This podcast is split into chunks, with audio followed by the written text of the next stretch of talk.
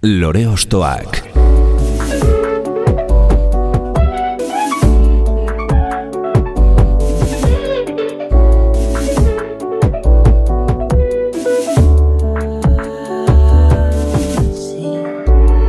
Ekain perezek aurkeztuta, gonbidatu bakoitza lore bat balitz bezala ostokatuko dugu.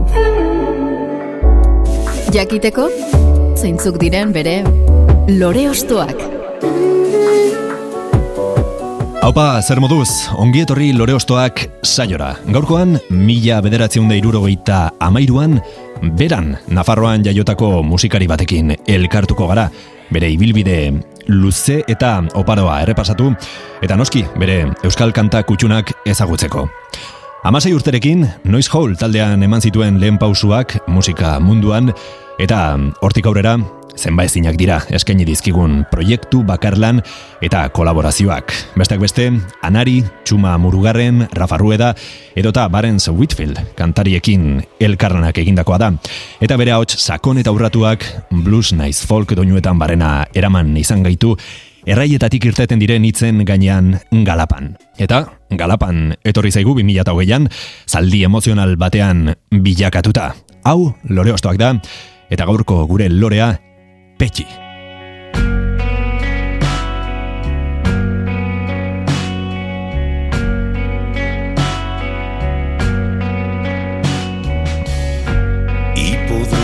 ischilla calleave lavava Saldumik gabe cobrida au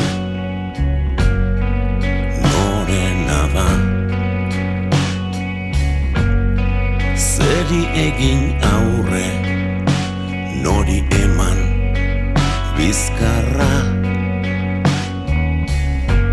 Atzera ez begiratu Gaindi ezazulanga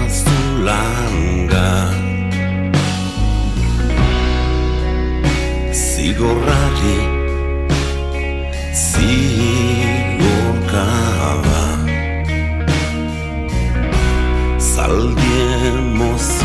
emozionalak gara Zaldi emozionalak 2008ko manipulazio estrategiak diskotik entzuten ari gara petxiren ahotsa eta gustu handiz ostokatuko dugu. Gure estenako kantautore finau. Kaixo petxi, ongitorri. Apa, kaixo. Ze muzgia? Ondo. Ondo. Ondo, bai. Bueno, manipulazio estrategiak izeneko diskoan badakit eh, Noam Txoski estatuatuararen ideietan oinarritu zarela diskoa izendatzeko edo, bueno, idei horietan oinarrituta Silvian Timsit, frantziarrak 2002an idatzitako manipulazio mediatikorako zerrendan hobeto esan da, baino idei horietan barena zaldi emozionala garela diozu abesti honetan. Nondik atera duzu idei hori? Bueno, azkenen arkaizkan okein ditu hitza guztiak, diskoko hitz guztiak, Mhm. eta pixkat, zugarra bezala, ba, hori, egin duguna da estrategia horiek edo dekalogo hori hartu eta pixkat e, berri datzi. Eta, bueno, zaldi emozionalen kantua gehien bat, ba, nola tratatzen gaituzten ikusita pixkat hortik dator kontua ez. Emozioak nola erabiltzen dituzten gu manipulatzeko eta eta beldurra sartzeko, eta, bueno, azkenean, ba, gurekin beraiek nahi duten hain, poliki-poliki gu konturatu gabe, eta pixkat zaldien kontua hori da, ez? Nola zaldiak ere igualtsuak ikuste ditu, azkenean gu gainean joten gara, eta beraiek gu nahi dutena egiten dute, eta pixkat hori zanentzen kontua. Lan honetan e, pentsamendua, poesia eta doinua uztartu dituzula esaten duzu. E, zer da zure musikaren sustraia edo zimentua? Hau da, non edo nola hasten da petxiren kantu bat? Ba, hasiera beti hitzak hasten naiz. Ah, bai. Hitza, bai. E, kasu honetan, ba, bueno, arkaitzi eskatu nizkion, oen dela bi urte hasi ginela honekin lanean, eta pixkat arkaitzi eskatu nizkion, ba, hori, timziten dekalogo hori berri dazteko, eta bueno, azkenen bere terronara eraman zuen, berak indako poesiak dire azken finean, baina, bueno, nahiko mezua, txomskiren mezua zabaltzen dutenak ere, eta prozesua normali nola egiten dut. Hitzaekin hasi, gero nik musikatzen dut etxean, e, bueno, egiten dut gitarra, gitarra eta teklatu batekin edo kantuak, maketak, eta gero ja musikari pasetzen diet, eta lokalean balantzen dugu azken emaitza lortu arte. Mhm. Arkaitzkanoren hitzak esan duzu e, bildu dituzula bertan eta musikari askoak hartu dute parte bertako arregloak joaz. E, beti izan zara artista oso kolaboratiboa, ezta? Horrela ulertzen duzuzuk musika? Bai, bueno, egin ditut ere diskoak bakarka eta hola, baina, bueno, zuzenean gehien bat. Zuzenekoak bakarka eta gustatzen zait, gehien bat lan gutxi dutelako eta zitxu egiten direlako. Oso azkar egin dezakezu. Bai, bai, ez zara hilabete bat estudioan pasatu behar edo, baino kasu honetan, bueno, ustez gaia merezi zuela, diskoare, diskoen kantuak ere merezi zutela uste nuen, eta pixkat, ja, ari laukote batekin, eta inkarnatuseko ari laukote bat sartu genuen, e, gero gorka benitez saksoarekin ere ontzen, Toño Muro sartu gitarra bat, baler gitarra kantu batean, gero betiko etxeko guzta taldea, Joseba Irazoki igorta Inigo Telletxea, Angel Unztu eta Juancho Zeberio daude, Juancho teklatuak sartu ditu, eta bi kantuko ari moldaketa egin ditu. Eta gero Angeli eskatu nion lau kantuen ari moldaketa iteko, eta bueno, gero azken momentuan estudian sartu ginenean, badago kantu bat erdi bosanova ikutua duena, eta pixkat komentatu nion, ez nuen aukera galdu nahi bera gitarra bat ere saltzeko, ze, ze Angel Euskal Herrian dagoen gitarrista hobenetaikoa da. Eta egiarran azken emaitza kristona izan zen. Eta bueno, gero maite larburuk ere koro batzuk sartu Bai. zituen, kantu batean puskatxo bat kantatu du, ikaragarrizkoa galitu da hori ere. Hots polita du, Bai, bai, bai, bai. Ni beti nei borreko zalea izan naiz, eta, eta gehien bat horregatik, kantu horretako, bosanova horretako uste nuen bere hotxa izan entzela egokiena. Eta bueno, e, e, Miguel Zeberio ere egundu da laguntzen, e, zuzendari moduan ariekin, eta ez dakit norbait altzen duten, beti hazten du norbait, baina barkatuko diate. Bueno, bai, e, horren beste jenderekin Bai, lan egin da, zaila da denak buruan izatea. Horren beste jendetan ere memoria, Ulertuko dizute, lasai. bai, Aipatu duzu etxeko guzta, jo, herri txikia izan ta, badu tradizio musikala, eh, berak? Ze, bertakoa dira, esan bezala Joseba Irazoki, Beñardo Goietxe, Mikel eta Fernan Irazoki anaiak, Sexty Sexers, e, bueno, eta bar bai, luze bat. borrokan, bai, kriston, kriston taldea. E, ze jaten duzu beran? o, musika eskola badago bertan, edo nondik dator horrelako em, musikarekiko lotura edo musika sortzeko gaitasuna? Bueno, aspalditik, bera beti izan da herri musikal. E, lehen banda potentea zegoen, korua ere aski politia daukagu, e, musika eskolare bai, igorte etxea da musika eskolako zuzendaria. Eta, bueno, betidanik izan da, garai, nire ustez, laro mar garren amarkadan izan zen pixkat talde gehien eta tere ziren garaia, ba, gutariko bat hartze den, borrokan, pixka gerosia tere ziren, sextizak egin bezala, gazteagoa dire, eta Baina, bueno, beti izan da musika eta eta hori, laro eta margarren amarkadan gehien bat roka, e, gruntza, noisa, punka, jotzen genuen, genuen garaia haietan. Eta udaletxeak beti eman digu laguntza ere. Ba, Hori garrantzitsua da, baita Bai, bai, beti lagundu digu eta bueno, eman digu eh, entsegu lokala mendian daukagu, hor inorrez molestatzeko, erretik 6 kilometrotara, mugan dagoena. Eta, bueno, argi ordaintzen digute, eh, ez dugu lokalerik ordaindu behar, eta gu- guzti hori ba, gazteak animatzen ditu. Gitarra bat hartu, bateria hartu, eta ara joan, eta lasai derrin Ba, behintzat erreztasun batzuk jartzeak eh, laguntzen du, ez? hori da. Eta nabari da, azkenean nabari da herria, bai. Mhm. Bueno, beran jarraitu nahi dugu, ze bertan ereindako lorea zarazu, eta ostoz-osto, zure euskal kanta kutxunak edo zuretzat esanguratsuenak izan direnak eh, zeintzuk diren jakin nahi dugu. Badakit ez dela lan erreza izan, zuretzat, baino, tira, lehenengoa eskatuko dizut, zein da? Bueno, lehenengoa ni hasi nintzen taldekoa aukeratu dut. Ze, bueno, izan zen gehien bat, ni ikasi nuen lehenengo kantua jotzen gitarrakin. Ah, bai, eh? Bai, Bertan eh, ikasi zenuen. bai, hori da. E, amabos amasei urtekin hasi nintzen. Eta, bueno, noiz hall izena zuen taldea. Piskat, e, punk rock eta grunge estiloan salkatzen genuen, ez? Ba, hasi ginen bertsioak egiten, eta gero ja gure maketatxoa hain ondoren, egin genituen kontzertu batzuk eta urte batzuk gustora on ginen jortzen egieran. Eta, bueno, zure saioari hor egin da, ba, loreak loian du izena kantuara. Na, behitu, hor lotura polit bat ingo dugu, baina. Hori da. Zer oroitzapen duzu gara horretaz? E, gaztetako hasiera hoiek esan duzu hor ikasi zenuela gitarra jotzen, ze zer oroitzapen duzu buruan? Bueno, ilusio handia zasi ginen, e, zarata unit sartuta, belarriak lertuta, baina, bueno, gehien bat parrandak egiten genitun eta ez genuen sobera serio hartzen ere, ez ziren noen bezalako garaiak ba, pixkatea lan moduan hartzen duzula, hori zen pixkat ondo pasatzeko eta, eta parrandak egiteko, eta orduan gogoratu gehiagire ez dut gogoratzen, baina gogoratzen dutena aitz ongi eta aitz gustora. Mhm. Zer galdu duzu eta zer irabazi, bide luze horretan? Bueno, irabazi lagun asko, e, herri eta jende haunitz ezagutzuk aukera, eta, bueno, musika mundu honetan sartzia, eta nire ustez gauza, gauza duinak egin alizatea. Ze ez da bat arrexia egiarran. Eta, bueno, galdu egiarran, galdu izanen dut lehenengo gauza dirua, hori seguro. Musikari gehientsuenok bezala, ez? bai, Eh, ertzainak erraten zuten. Euskal Herria rock and rolla ez du dirurik ematen, Bai. eta rock and rolla ez dena ez dare. Ja. Baina, bueno, azkenian batek nahi duena egiten du, eta ez dakit ez da lan bezala lana da azken fina, baina ez duzu lan, lan harakin lan bat bezala hartzen, Claro. edo tabernari lan bezala hartzen. Orduan, gustora zaude, eta uste dut, zuk egiten duzuna zerbaitetarako balio duela, e, jendea laguntzen alduzu, zentzu batean, eta ez da lehenengo aldia, ba, norbaitek errandian ba, zure kantu batek haunitz lagundu zian, ba, gaizkin nintzenean, eta horregatik bakarregia merezi du kontua. Kuriosia ez, e, petxi ez izena, nondik dator?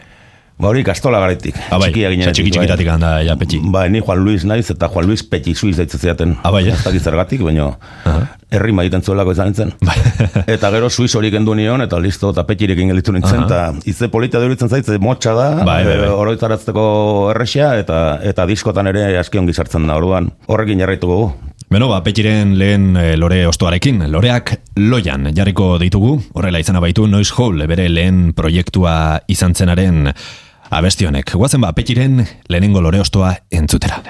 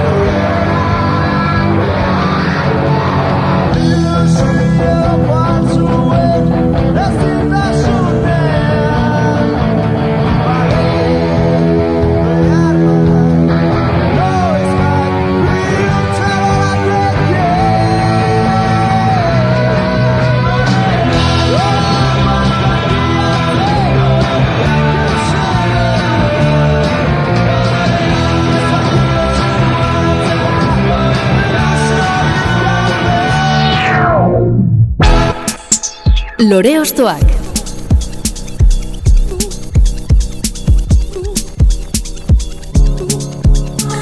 Noise Hall taldearen loreak loian alde batera utzi eta lorekin jarraituko dugu, baina oraingoan petxi artista beratararen urrengo osto edo petaloaren bila. Zarekin goaz orain, petxi? Bueno, horrengo aukeratu dut, amaseien kantu bat, papilion nuak deitzen dena, eta, bueno, kantu hau ni taberna lan egiten nuenean, egia esan, hori ez dakit urtekoa izanen den, baina laro gita amapiko harren urtekoa, Laurogeita amalaukoa da bestia. amalaukoa, bai. Ba, orduan, bueno, ni zautzen nuenean talde hau, netzat kriston sorpresatzen zen, netzat Euskal Herrian talde berritzailea derutzen zaidan, eta nola nahasten zuten estiloz berdinak, eta egiarran gero ezagutzeko aukera izan nuen, eta beraiekin ere, bueno, jo izan nuen nonbait, eta kriston taldea irutzen zitzaidan bai, bai zuzenean eta bai diskotan ere. Mhm. Mila beratzen da laurogeita amaikean ortueian, bizkaian sortutako taldea da, e, ama sei, laurogeita amabostean banandu zen taldea eta 2008an itzuli ziren. E, zuk, zergaitik hautatu duzu abesti hau, konkretuki? Ba, kriston abesti freskua irutzen zait, eta, eta pixkat azaltzen duena bere, beraiek jorratzen duten estiloa, ez? Gehien bat horregatik. Gero, e, kristona entzun nuelako bere garaian ere, tabernan gelditu gabe jartzen nuen, bi hiru disko erosi nituen, disko bera, eta tabernan rai hau egin nituen baita berriz jartzegatik. eta bai, garai batean beran kristona entzuten zen amasei, eta, bueno, gure inguruan bizi ginenak edo ibiltzen ginenak, e, gehienak uste genuen gauza berak, amasei Euskal Herriko talderik hobenetaikoa izan dela, eta orduan ere bazela. Mhm.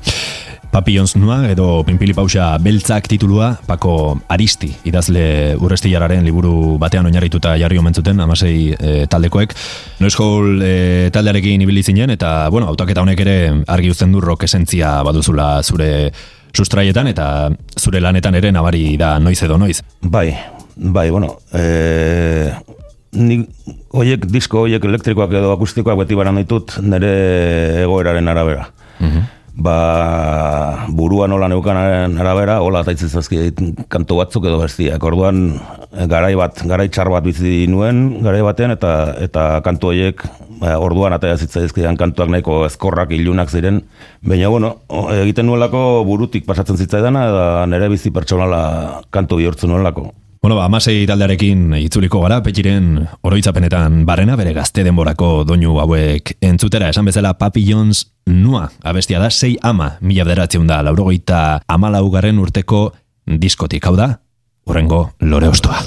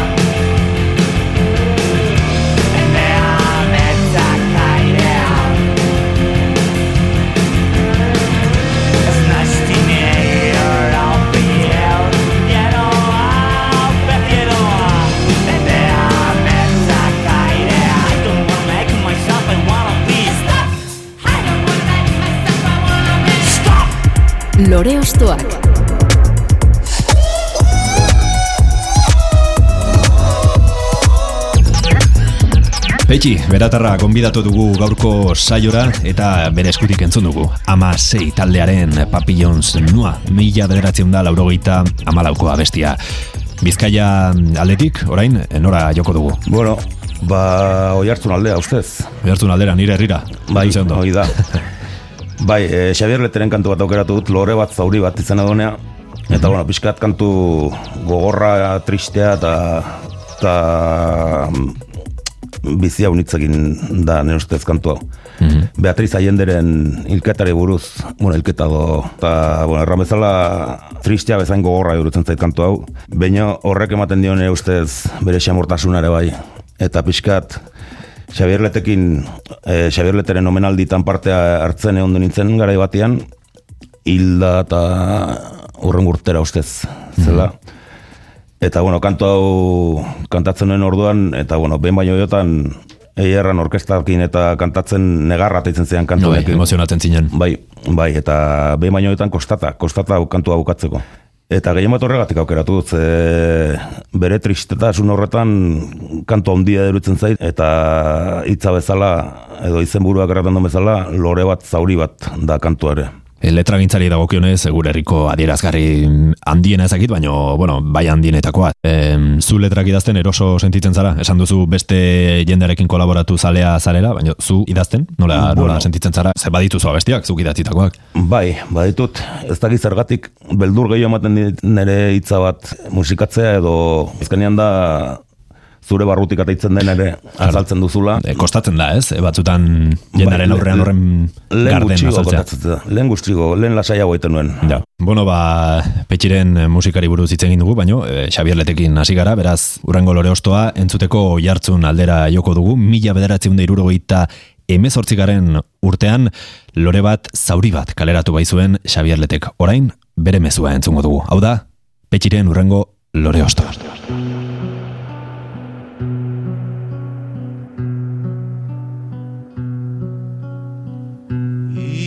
Ire bihotza txori zauritu Ieska joan zain atxeden bila Arime bat unan bizitza Urratua dun keinu bortitzez oroitzapenen labe gorian gorputz gogoak tormento luzez kizkalirikan deseginikan bizi baintzenan deserri hortan.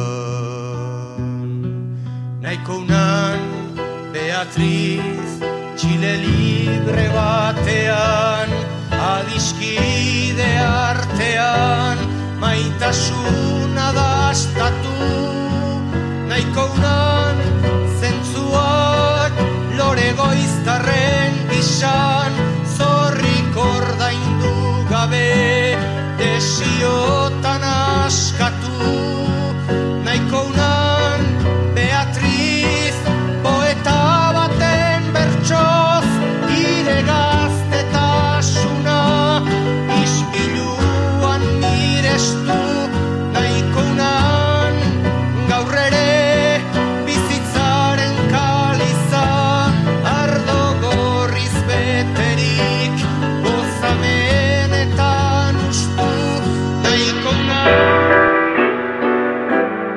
Lore Ostoak.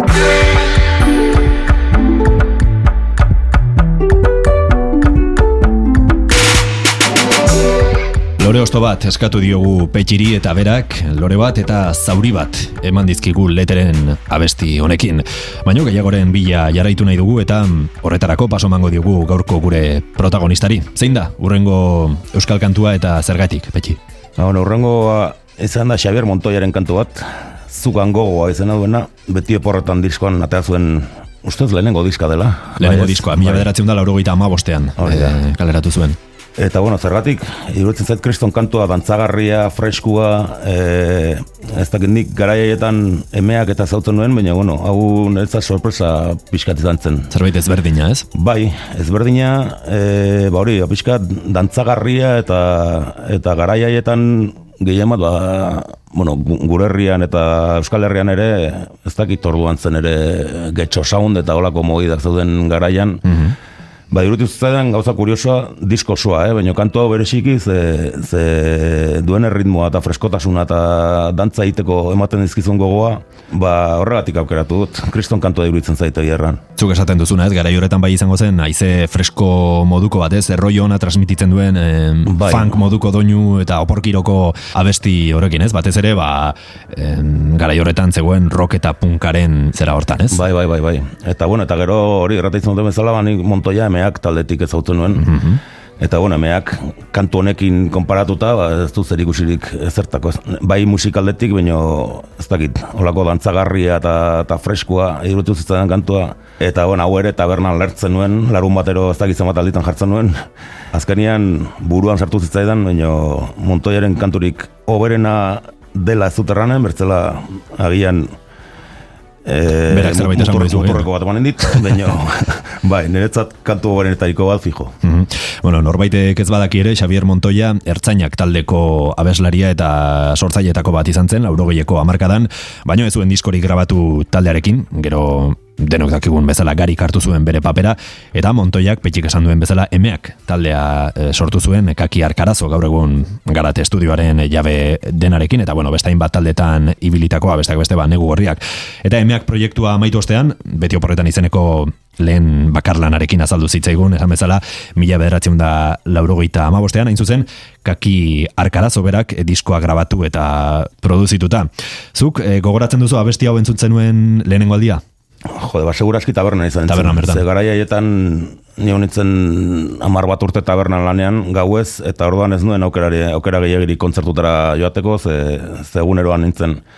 Eta tabernan ibiltzen ginen, ba hori, ba, berako musika munduko gehienak, ba, tabernan hartan ibiltzen ziren, eta pixkat han egiten genuen gure, gure disko aldaketak, eta ezagutzen genituen, ba, aldizkariak, bestiak, eta pixkat, ba, disko hau erosi dut, batek utzen zidan, ni taberna jartzen nuen, gero ni pasatzen nion bezke batzuk, ba, bueno, ohikoa demezala. Bueno, ba, entzungo dugu, e, petxiren urrengo lore ostoa, urrengo proposamena kasu honetan, esan bezala mila bederatzen da laurogeita amabosgarren urteragoaz, Xavier Montoyarekin bere beti oporretan lehenengo diskoa irekita, bertatik entzungo dugu, zugan gogoa.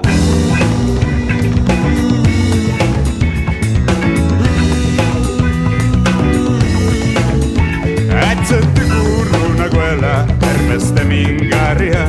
Inguruan dudan oro, hotza eta goibela. Ez ezagun ez beteta, kale eta tabernak. Arrotza zaidan ulertu zinen zugan gogoa Zugan gogoa Zugan gogoa Zugan gogoa Zarritan geratz nahiz paretari begira. Noiz ikusiko zaitudan behin eta berriz galdezka. Horrela goten aiz dena naiz oroi mina Malko mingotz bakar batek lauskotu arte zoa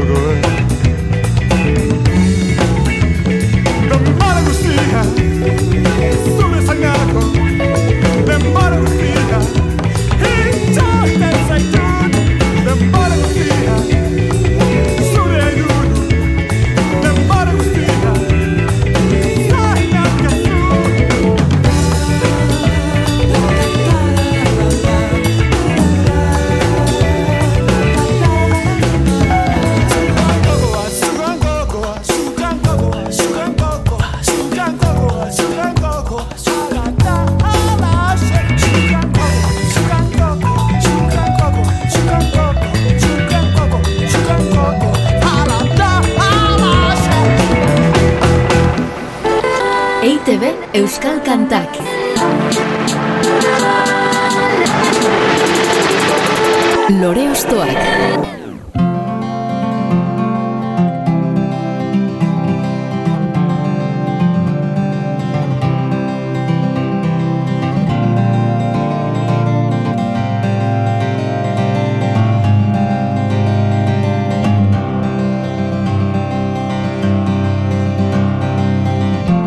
Izuak bitan egin dik bisita gau Ta biluzik harrapatu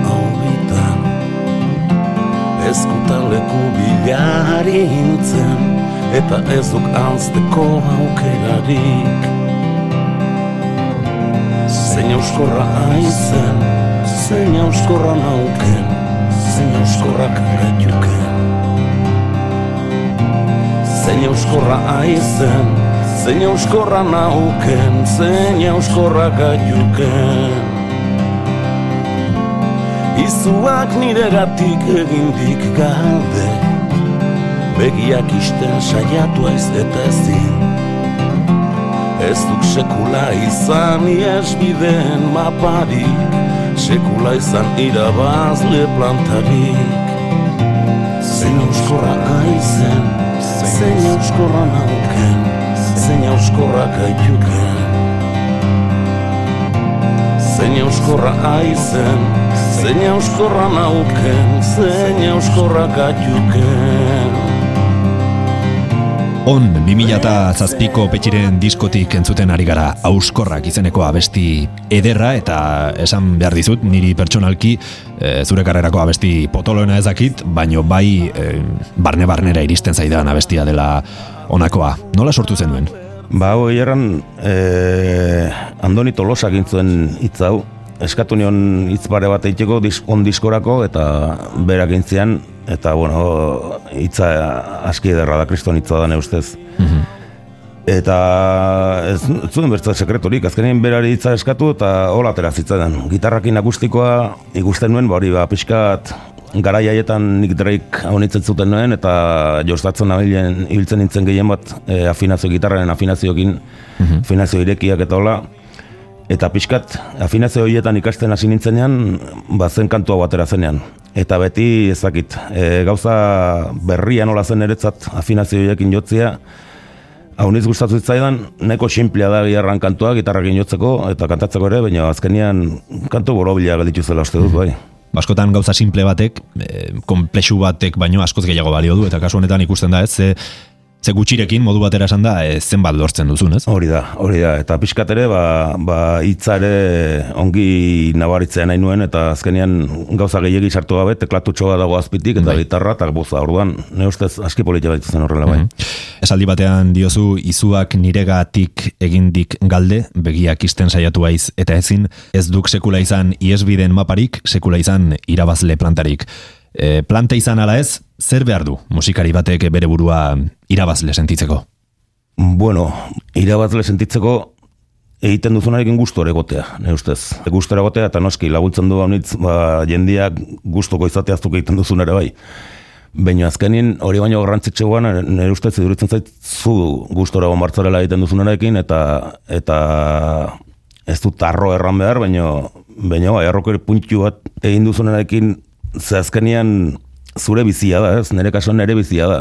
Eta guztionek e, nire musikak azaltzen du nola bizi duten nire bizia, nola nagoan momentu batzutan, eta eta batzutan etorri bardena ere azaltzen saiatzen naiz. Orduan, nire ustez hori da, gehien bat zu gustora onbartzara e, irabazle izateko. Beino jakinda galtzaile izaten altzarela ere bai. Adibidez, balerdi balerdiren azkeneko diskoa, Toño Mururen hitza dituna, hor diskoaren izenburua da, galtzen ikasteko metodoa. Eta pixkat musikaldetik, ba hori da, ez? E, inoiz gora iristen ez garen talde edo, edo musikariak, hori nahiko argi daukagu, nik nahiko argi daukat, ba, martxa hontan jarraitu barautela, ze nik egiten dutena ez da e, jendea unitzen zat. Bai, masentzako musika bat, edo... Hori da. Orduan, e, honekin jarraitzen al duten bitartean, hori bai, ba, hola jarraitzeko, ba, baldintza duin batzuk behar ditugu, hori ere erramarra da. Eta horiek ez dauden bitartean, ba, beti bezala arrastak ibiliko gara. Baina, bueno, azkenian gustoko duguna egiten dugu eta saiatuko gara hola jarraitzen mintzat. Bueno, zure abesti ederra hau entzun ostean eta berari buruz zertxo bait gehiago jakinda, urrengo lore ostoaren bila jarraituko dugu. Norekin goaz orain? Ba, horrengoa Mikel Laboa aur- aukeratu dut. Mikel Laboaren sorterriko kopla kantua. Eta, bueno, pixkat kantu hau aukeratu dut, ze bertze kantu lauak beira zenbat kantu ditudun, eta, eta beti entzuten gara berdin, berdinak ez. Eta, bueno, errebeintekatu nahi nuen pixkat hori. Laboa bezalako tipo baten disko guziak izan da, nahikoa dela beti kantu bera jartzea algo guzitan, eta beti bai koruak, bai futbolean, bai ez da kantu bera jartzea. Orduan, horregatik aukera dut sortarriko kopla kriston kantua. Honek bai ez duela irabazle plantarik, lehen aipatzen egon garenakin, baino guk denok bai irabazi dugula bere onderarekin, eh? Bai, bai, hombre, duai gabe. Azkenean, ni gainera zorta izan nuen pertsonalki zautzeko eta eta pertsona bezala ere kristona eduritzen zitaden. Azkenean, olako haundi bat, horren humilia izatea eta, eta gauzak egiten zituen bezala egitea, eta bueno, gero utzi duenarekin, utzi duena ikusita, ba, zer ohore handia izan da bai berarekin jotzea zuzenean eta bai ezagutzea pertsona bezala eta eta noski bere lana. Mhm. Asko klaboaren musika gurasoen gandik iritsi zaigu, beraiei etxean abesten entzunda edo kasete batean jarrita, zure kasuan horrela izan zen edo nola konektatu zenuen elaboarekin? Bueno, ni gurasoengatik baino arrebengatik. Arrebak ere arrebek musika jotzen zuten, bueno, gitarra jotzen zuten bilek eta ni baino zortzita behatze urte zarragoa dire, orduan pixkat eh, hasierako euskal taldeak eta beraiengatik. Laboa, egan eta garaiaietako entzuten genituen kontuak.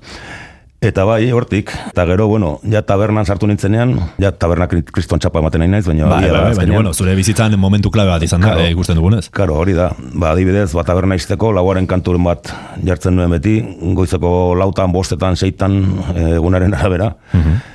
Eta goizetan ere, ba, taberna lan egiteko, eta garbitzeko, eta guzti hori, ba, musika ikaragarri hona duritzen zaitzaidan beti, eta hortik hasi nintzen. Baina, hasiera batean, ez nion oain ematen dioten garrantzia ematen. Orduan zen ni ere punk rock antzuten nun, orduan Bai. zen gauza bera. Eta gero ja hasi nintzen ba, diskografia osua erosten saiatzen nintzen, eta eta orduan bai ja, etxean lasai hartu, kaskoa jarri eta kantuak entzuten hasi nintzen behar den moduan, ez? Mhm.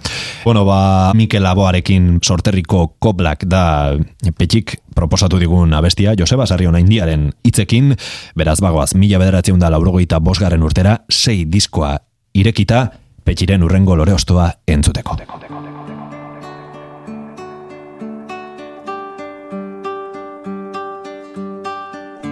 Oianeko pagoak blai Aideratu ziruelai Ostadarraren agian dira Irurak pausatu nahi Irurak pausatu nahi.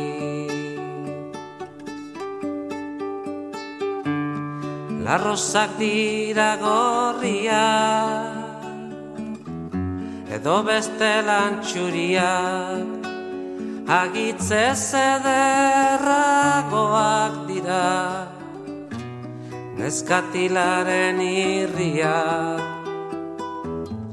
Neskatilaren irriak Eder bazoan aritza Aran aldean garitza. Fruituan zera ontzen da hemen Izaz hemen bizitza. Izaz hemen bizitza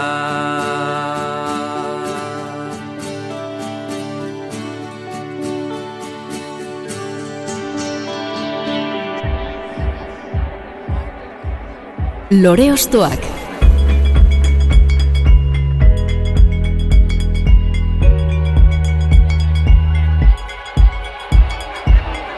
Laboaren ahotsa hartu du beste behin gure saioaren protagonismoa gaurkoan Petxik horrela nahi izan duelako. Eta orain, ba, beste bat aukeratzea nahi dugu, Petxi, ze kantu entzungo dugu orain. Bueno, bain piztiak lagunen kantu bat, bafor bat odei zintan izena duena, Mhm. eta gabeko kalapitxixak izena duen diskotik hartua. Izen bereziak, eh, bai. Ondar, bai. ondar hauek ez dute hizkuntza mentzat larri biltzen naiz ni bereekin. Bai, kost, kost, kosta egiten zaigu, eh? Bai, bai, Hizkuntza bai. bera izan ta ere, askotan Hori da, zeko hori da. izaten ditugun bata beste ulertzeko. Bueno, ne, gure kasuan ere gertatzen da batzutan, eh? Baita Nafarrotik Bilbora eta ni hasiera batean Bilbora joan nintzen lehenengo alditan, nik ez nituen beraiek ulertzen eta beraiek ni ez da. Bai, bai, bai. Kuriosoa, kuriosoa. Bai, bai. Ze espazio txikian eh, nola kostatzen zaigun Hori da, askotan. hori da. Baina, bueno, horrek dauka bere xarmare. Bai, dudik gabe, dudik gabe. Bueno, e, piztiak aipatu duzu, bertan zuk ere parte hartzen duzu, gainera ez? Hori gomendatu da. zieten kantatzeko, eta, bueno, pixkat, piztiak niri beti iduritu zait talde madarikotu baten modukoa, ze ez dut ulertzen nola Euskal Herrian holako talde bat izan da, e- ez diogun garrantzi gehiago ematen, eta nola, nola izan liteke holako talde bat horren, ba hori, ba, kontzertu gutxi egitea eta, eta aukera gutxi izatea, ez? Ne ustez, Euskal Herriko rock and roll talde potentena eritakoa izan da beti, eta, eta hori ez dut ulertzen, zergatik izan dute. Mhm. Bero, bagoazen e, Txomin Uribek eta Josu Aranbarrik, mila bederatzeun da laurogeita amaikean, esan bezala ondarroan sortutako piztiak taldearekin bafor bat, odei zintan izena du gabeko kalapitxixak. Ondo esan dut, ezta? Ondo, ondo, ni baino beto. disko horretako, 2000 eta bederatzi garen urteko disko horretako abestiak hau da ba, beraz, petxiren urrengo proposamena.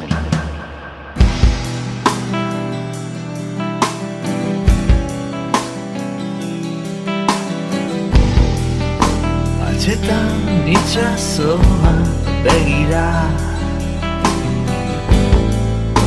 Bafur bat oroizitxan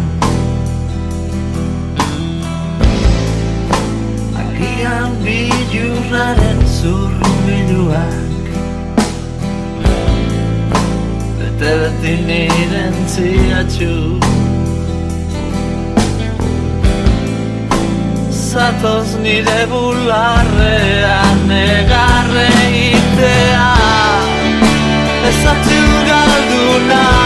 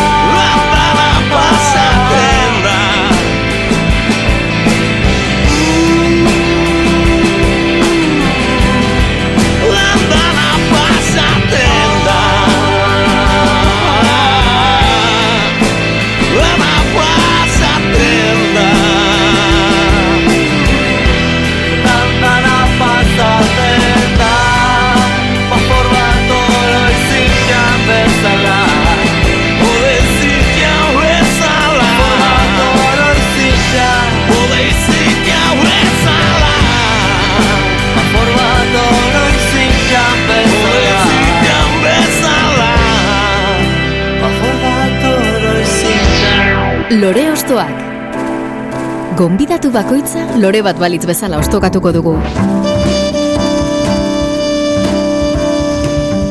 Beno, jarrai dezagun zure Euskal Kanta kutxunen bilaketa horretan, petxi ondarroan, e, Bizkaian izan gara, eta orain nora gonbidatzen gaituzu joatea. Bain beste aldera, bain iruñera. Jonen gara, balerdi balerdi talderekin, eta kantua, autatutako kantua hautsaren dantza du izena. Balerdiekin gertatzen zail laguarekin bezala, ez? Ba, jendeak bertsioak egiten ditunean beti kantu bera auk- aukeratzen du, eta balerdiekin normalen gauza bera gertatu da. E, zauri bat, bueno, gu zauri bat ditzen diogu kantuari, eta beti jendeak, ez dakit irratietan eta leku guztietan kantu hori jartzen dute. Eta azkenean balerdik ere ne ustez krist- kriston kantu onak dauzka, bai hitz aldetik eta bai musik aldetik. Eta horregatik apiskat aldatzeko, kantu hau ez da gehiegi entzuten, e, baita ere nahiko zarra da, ez da azken urtetako kantua. Bai, mila bederatzen da, laurogeita amaikakoa da. Hori da, amaikakoa. Okeraz banago, bai. Eta bueno, gehien bat hori, e, balerdekin, bueno, ni jotzen hasi nintzen balerdekin noen dela urte batzuk, Mhm. Eta pixkat etxerako botatzeko ere, ba, aukeratu dut balerderen kantua. Noski baiet. Me alare, iruditzen zait kriston kantua dela. Eta zuzenean jotzen, ba, gehien, talde osoa gehien disfrutatzen dugun kantua hau da, gehien bat, zuzenekotan.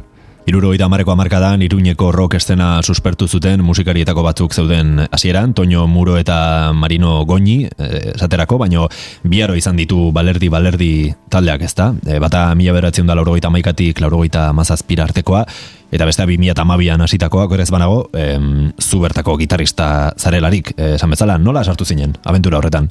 Bueno, ba, hauek hasi ziren, berriz juntatu zirenean, hasi ziren irukote moduan. E, eta e, urte bat edo lagun jotzen irukote moduan, eta bueno, azkenean erabaki zuten gitarrista edo gitariole berri bat nahi zutela, ba, pixkat, Toño lasaiago kantatu zedin, eta berak gitarra da, eta kantatzen du batera, orduan, soloak eta pixkat egiteko, ba, norbait behar zutela, eta hasiera batean Beñardo goietxeri nire lagunari komentatu zioten, Baina, bueno, berak ez zuen argi ikusten, e, bera nahiago du kantatzea, naiz eta gitarra jo ere, mugaldeko taldean jo, gitarra jotzen du, baina pixkat e, hobeto defenditzen zen kantatzen, eta komentatu zian niri, ea presa honen nintzen, balerdik ba, gitariole bat bilatzen naizela, eta bueno, ni betiko da nik gustoko nuen taldea zen ere ba, balerdi, eta eta noski ohore handiz baietz erranien, eta bain arte. Gutxi jotzen dugu, baino, baino agiz gustora. Mila bederatzen da laurogeita maikean ondarroan sortutako talde batekin izan gara lehen, eta orain, mila bederatzen da laurogeita maikera guaz berriro, baino, e, kasu honetan, urte horretan aurkeztutako abesti batekin. Hautsaren dantza, izeneko honetan, petxiren memoriaren hautsak dantzan jarri, eta bagoaz, balerdi balerdi talde iruindararekin. Hau da, petxiren urrengo lore ostoa.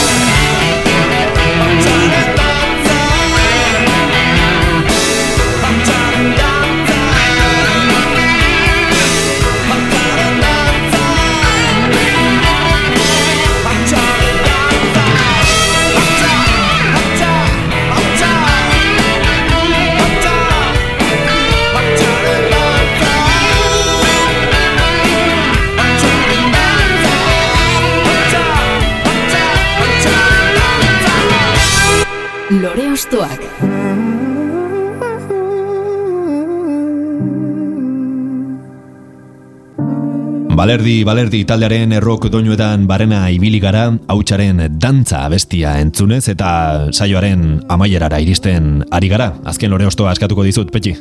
Ba, azken ostoa zarotzetik torriko zaigu. Aha. Ok, korral taldearen kantu bat aukeratut, tren bakartia izanen duena. E, Fermin gitar jolea, bueno, e, ok, korralen bajua jozen zuen, baina gure Noizkoleko- noizkoleko gitarra jolea zen, gitar jolea, rokabilia eten zuten, garaietan Euskal Herrian rokabilia eta arrunt, arraroa zen. Gero atari zen dinamita pa los pollos eta olako gauzak, baina, baina Euskal talde bat e, estilo hori jorratzen ba nahiko zaila zen, ez, ikustea. Eta gero, ba, hori, ba, kriston frekotasuna, gero luk, ematen zion indarra, e, kriston emakume puska zen, oain dela gutxi ere dokumental bat egin dute bere omenez hiltzen, minbiziakin hiltzen, eta eta hor barna dabil, interneten gainera ustez ikusten aldela e, dokumentala, eta aski politia egia erran. Eta bueno, gehien bat hori, bat taldeak zeukan freskotasuna, estilo ezberdina, Euskal Herrian garaiaietan entzuten ezen musika estilo bat, eta luren indarra eta eta potentzia hori da azpimarratuko nuena gehien bat. Mm. Esan bezala, okei korral taldeak rockabili, eh, bueno, country eta rock doinuak joratuz, eh, euskal bili moduan eh, definitu zuten beraien estiloa. Eh, euskeraz estilo hori joratu zuen lehen taldea izango zen ziurrenik, eta gainera euskal rock erradikala gori-gori zegoen garaian gainera. Mila bederatzen da berrogeita maseian, Johnny Burnett estatuatuarrak editatutako Lonesome Train abestiaren bertsioa da, hau, euskerazko bertsioa. Bi disko soilik kaleratu zituzten, okei korral, mila bederatzen da laroita zeian, eta beti gogor, beti mozkor, mila bederatzen da laurogeita bederatzean, eta hau, lehen disko horretakoa da. Nor da doan ez dakien tren bat eta hitz egiten digu bertan Lu Olangua abeslariak, 2008an zendutako abeslari karismatikoak. E, zure trena nora doan badakizu edo zer eskatzen diozu hemendik aurrera hainbeste eman dizun bidaia musikal honi? Ba, jarraitu alizatea, eskatuko nuke, horrekin konformatuko nintzateke. Gaina, lehen urtean neon nintzen, ba hori, ideia, ni, e, manipulazio estrategia diskoarekin, ideia zen honekin dis, e, bukatzea. Ba, bai. Bai, petxi bezala bintzat bai. Mhm. Eta pixkat horregatik disko hau nuen, hola, e, horren beste jendekin, horren beste bestitu nituen kantuak, nahi nuen pixkat, ja, bukatu bar baldin badugu, ba, pixkat goian bukatzea Bai. Erran genezake. Eta eskatzen diot dena, ba, hori da, pixkat alizan ez gero honetan jarraitu alizatea. Gero eta zailagoa da, hori ere egia da, baina bueno, e, saiatuko gara, eta azten baldin bada, ba, betiko martxa sartuko gu, ba, berriz arakin bihurtu, edo berriz tabernara joan, edo naiz eta orain ez da hori ere e, egiteko nahiko kostata den bai. Ba, bueno, espero du jarrai dezazula, herri honek petxi behar du eta hots e, eder hori behar du, eta bueno, asko asko eman diozu herri honi, azkenean, e, urte askoan, lan asko, sakrifizio asko, eta historio asko, ez, zenbat lagunekin, zenbat jenderekin, eta bueno, en, petxi asko gara dadila, hemendik aurrean ere, espero dugu. Eskertzen diat, ea jarraitzeko aukera dugun bai. Bueno, ba, entzungo dugu petxik esan bezala, okei korralen e, tren bakartia abestia mila bederatzen da laurogeita zeigaren urteragoaz Euskal Bili doinuetan barena.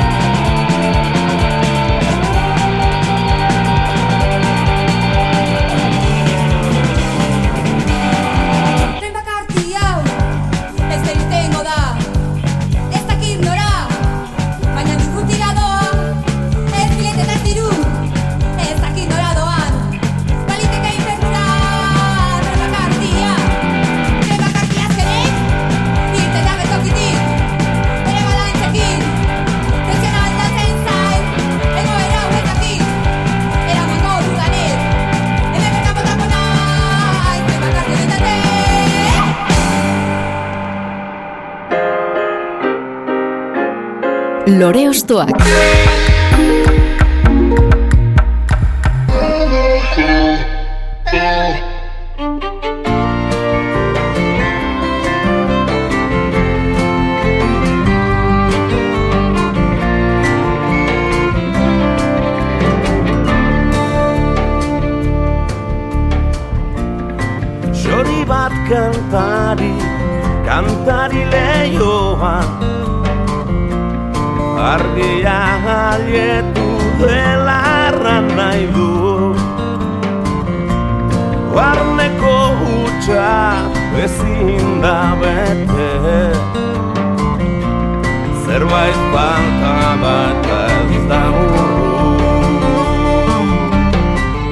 Petxi, kantautore nafarra gehiago ezagutzeko aukera izan dugu gaurkoan, entzun ditugu bere lore osto guztiak dagoeneko eta on diskoko beste abesti batekin eman nahi diogu amaiera gaurko saioari. Argia heldu da izena du abesti honek eta hauek bai zuk idatzitako hitzak dira, ezta? Bai, hauek bai. Hauekin e, zerbait beresia inuen eta kantu bat idatzi nuen. Nondik dator historia edo zer esaten diguzu bertan edo?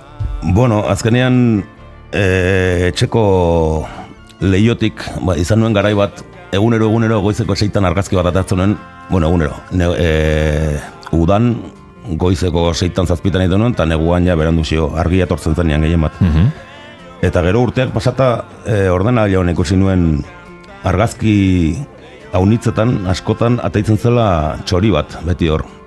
E, beti txolarre batzen, ez dakit bera izan entzen edo ez, baina nik ar- argazkia botatzen nuenean ez nintzen konturatzen egia erran, gero ordenagailuan ikusita orduan konturatzen. Eta kantu honekin, ba, txoriari omenaldi txiki bat nion. Eta pixkat, bai, holako gauzak egiten genituen garai batean. Ah, ze polita. Bai, e, garaitxar batetik nentorren eta eta pixkat iruditu zaidan kantu hau, ba hori, neko positiboa zen ni egiten dituen kantua, kantuekin konparatuta. Eta, bueno, gero hitza ere, ez, ba, argi aldu da, ba, pixkat iluntasun hori e, gainetik kentzeko argi aldu da. Disko hau egin nuenetik, egia erran, e, iluntasun garaiaiek eta nahiko gibelean atzean utzi ditut. Eta egia erran asko zobe, asko zobe joan zait bizia ordutik honea. Bargia heldu da eta saioari amaiera emateko garaia ere heldu zaigu, gustura gontzara? Oso gustora. Beti bezala, irekin beti gustora. Baita nire, zurekin. bai. Ba, mi esker, gurera etortzearen, e, plazer bat izan da zu bezalako artista erraldoi bat e, ostokatzea, gustu handiz ezagutu ditugu zure ibilbide musikal eta hainbat pentsamolde ere, beraz, e, sorte honena opa dizut hemendik aurrerako bidean eta beste batean topatuko gara. E, argia bai. den, segituen gaina, ni esker honitzuri. Hori da. Bai. Eta zuri dagokizunez entzule, eskerrik asko gurekin Euskal Musikaren doinuetan barrena bidaiatzeagatik. Ondo izan, eta aurren arte. Txori bat kantari Leioa, leioa